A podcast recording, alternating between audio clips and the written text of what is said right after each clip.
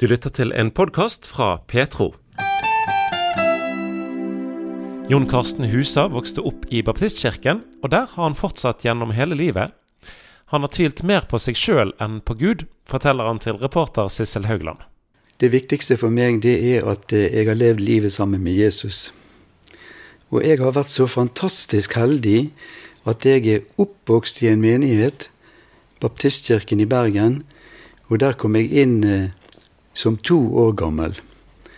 Og da var det ikke jeg sjøl som eh, fant veien der, men eh, det var pga. at min mor hun var søndagsskolelærer i baptistkirken. Og da tok hun meg med helt ifra jeg var ganske liten. Og eh, etter hvert så har jeg levd livet i baptistkirken og bare gledet meg over det som hele tiden ble forkynt.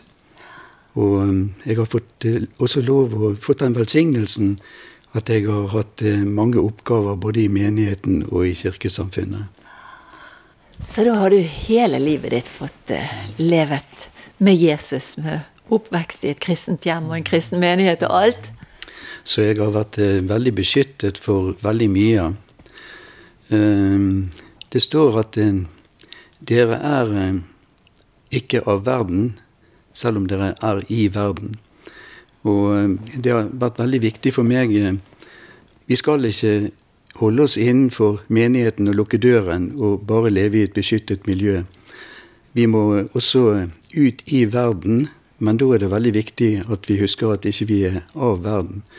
Fordi at eh, hvis vi bare sitter innelukket i en menighet, så kan ikke vi nå verden med budskapet om Jesus og hans frelse. Så eh, det, det, kan være en ganske spesiell balansegang å gå eh, når man har dette perspektivet. Og tross alt har vært så heldig å opp, eh, vokse opp i en menighet og et beskyttet miljø. Men å ha vokst opp i et kristent hjem og beholdt Altså, troskrise, har du ikke hatt det gjennom et helt liv med Jesus? Har det gått greit? Jeg har eh, aldri vært i noe anfektelse i forhold til troen. Jeg har trodd på Jesus hele tiden. Det har aldri vært uh, noe trosproblem. Men uh, om uh, man skal ha hatt en anfektelse, så må det ha gått på om Jesus ville ta imot meg. Det har aldri gått på, på troen på Jesus og hans frelse, men det har gjerne gått litt på det om om jeg var god nok. Men sånn er det jo ikke dette livet med Jesus. Det er ikke snakk om at det er vi som skal være gode nok. Fordi at det dreier seg faktisk om at det var Jesus som var god nok. Så det han gjorde på Golgata, det holder for enhver av oss. Ja, du Jon Karsten, etter hvert så utdannet du deg innen økonomi? Ja, en stor del av livet så har jeg jobbet med økonomi. Og da jobbet jeg på eh, økonomiavdelingen på det som seinere senere ble hetende Rolls-Royce ute på Hordvikneset. Men uh, i en tid med permitteringer så følte jeg at jeg måtte komme meg over på en tryggere plass, og ikke det var fare for verken permitteringer eller oppsigelser. Så da begynte jeg i ABB i Fyllingsdalen. Det het ABB Eh, på den tiden så jeg sluttet. Men når jeg begynte, så het det Nasjonal Elektro. Så eh, Men eh, jeg var ikke trygg der heller, faktisk, i forhold til jobb. Fordi at vi hadde hovedentreprisen på elektro på Mongstad når Mongstad-raffineriet ble bygget. Og når det var ferdig, så var vi 150 personer som var overflødige i Hordaland. Og da ble vi, noen av oss, oppsagt i, av eh, Vi ble oppsagt eh, etter ansiennitet. Så da ble jeg arbeidsledig. Og så tenkte jeg at jeg skal aldri mer bli arbeidsledig. Så da eh, ble jeg sykepleier istedenfor. For det sykepleierne de blir aldri arbeidsledige. Og det passet veldig godt for meg å bli sykepleier, for jeg liker veldig godt å jobbe med mennesker. Du er ikke bare sykepleier, du blir også psykiatrisk sykepleier. Ja, jeg jobbet i psykiatrien, men jeg tok ikke den spesialutdannelsen eh, til å bli psykiatrisk sykepleier. Fordi at Jeg var jo såpass gammel da når jeg eh, begynte i sykepleien, at jeg tenkte at nå må jeg bare stå på. Jeg kan ikke studere mer nå, selv om jeg elsker å studere og gå på skole. Fordi at nå er jeg så gammel at nå må jeg bare stå på og gjøre mitt beste for eh, pasientene i den tiden jeg har igjen som yrkesaktiv. Og det var jo da de 20 siste årene av min yrkesaktive periode at jeg da var sykepleier. Ja, Da du jobbet uh, innen psykiatrien? Jeg har jobbet vesentlig innenfor psykiatrien. På det området som jeg trivdes best, det var når jeg jobbet på Kronstad DPS, på sengeposten der. Der eh, var de vesentligste problemstillingene eh, til pasientene angst og eller depresjon. Og dette var da mennesker som eh, hadde et familieliv, eller de eh, hadde en jobb, og så måtte de inntil til oss få ta seg inn igjen. Og vi måtte hjelpe dem så godt vi kunne på riktig vei da, i forhold til depresjon og angst. Noen de tenker det at eh, når det gjelder depresjon, så er det bare en depresjon. Folk er bare litt deppa. Men eh, det er ikke sant. Fordi at eh, depresjon, det er ikke bare bare. Depresjon, det kan være en dødelig sykdom.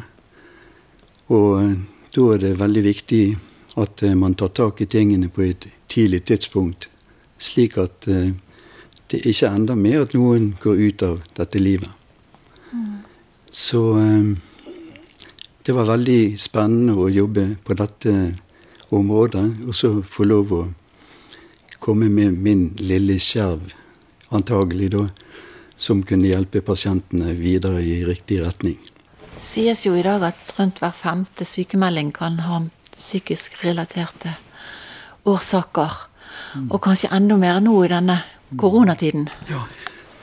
Så um, den psykiske helsen, det er jo en veldig viktig side av helsen.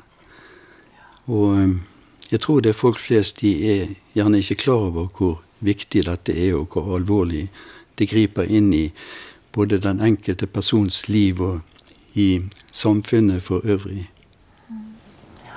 Og mennesket er jo en helhet. Det er ikke bare kroppen, det er psyken. Og det henger voldsomt sammen. Tett sammen. Ja, det er sant.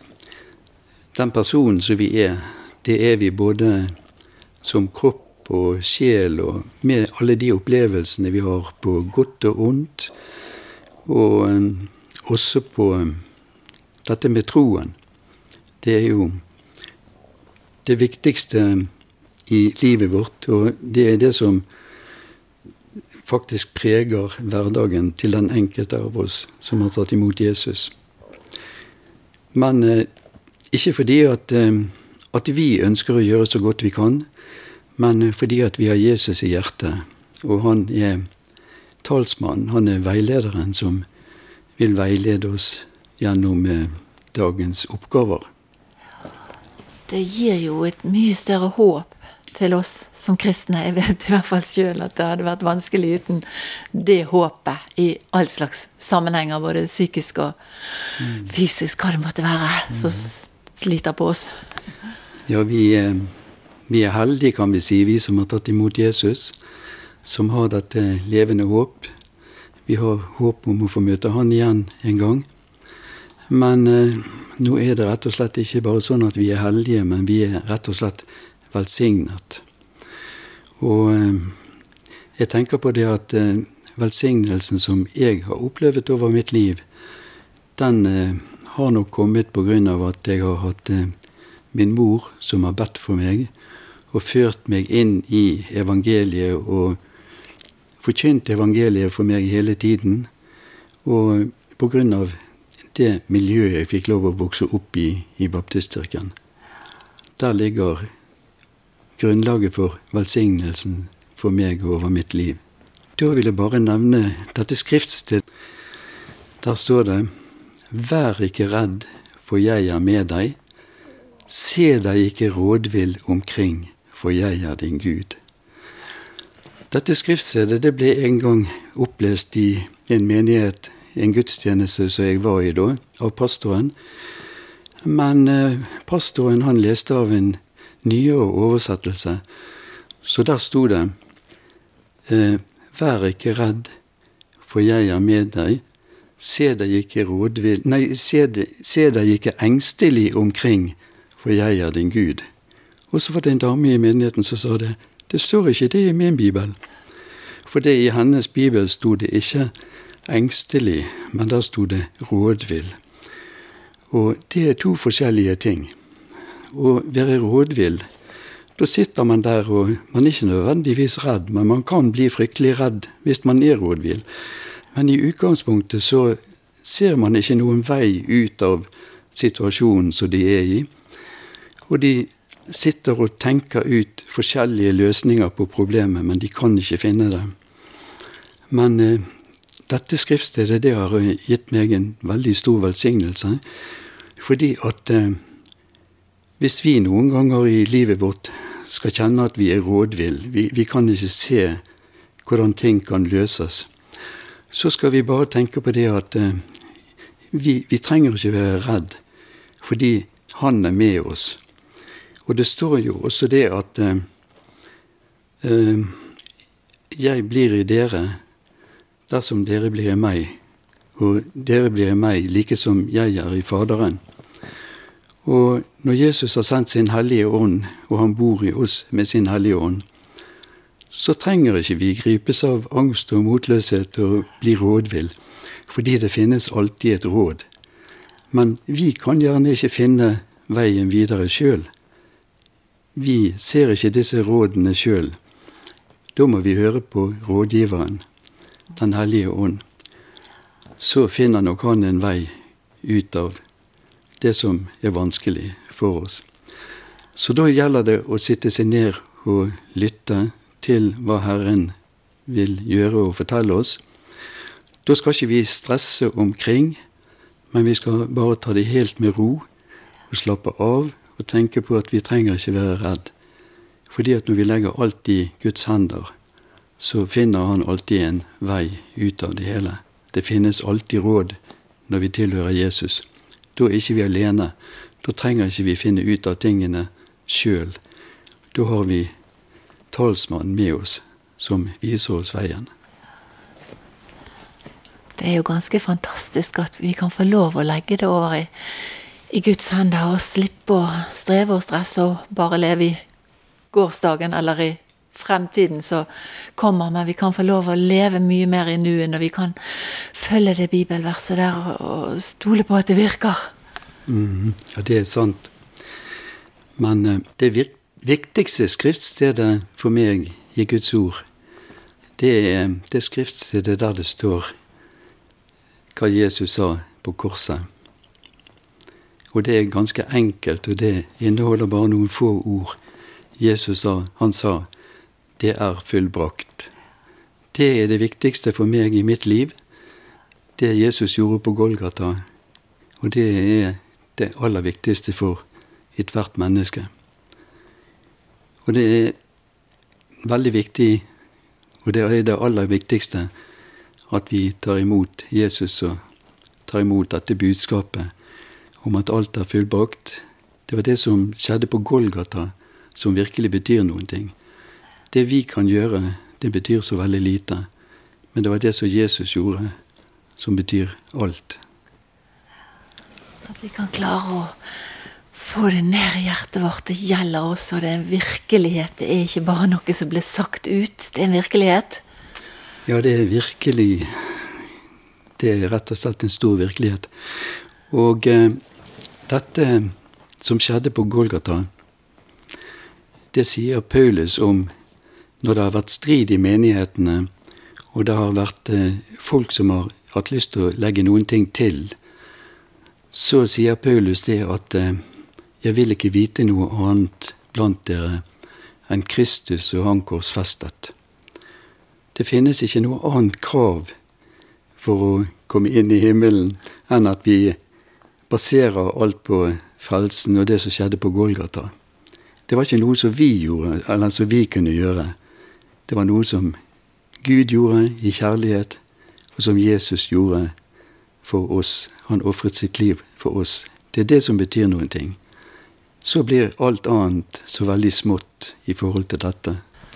I andre religioner så er det ofte slik at, at du må gjøre saker og ting for å oppnå en eller annen type frelse. Men eh, sånn er ikke det hos oss som er kristne. Vi er alltid gode nok sånn som vi er. Vi kan ikke, vi kan ikke bli så gode at vi kan oppnå frelse pga.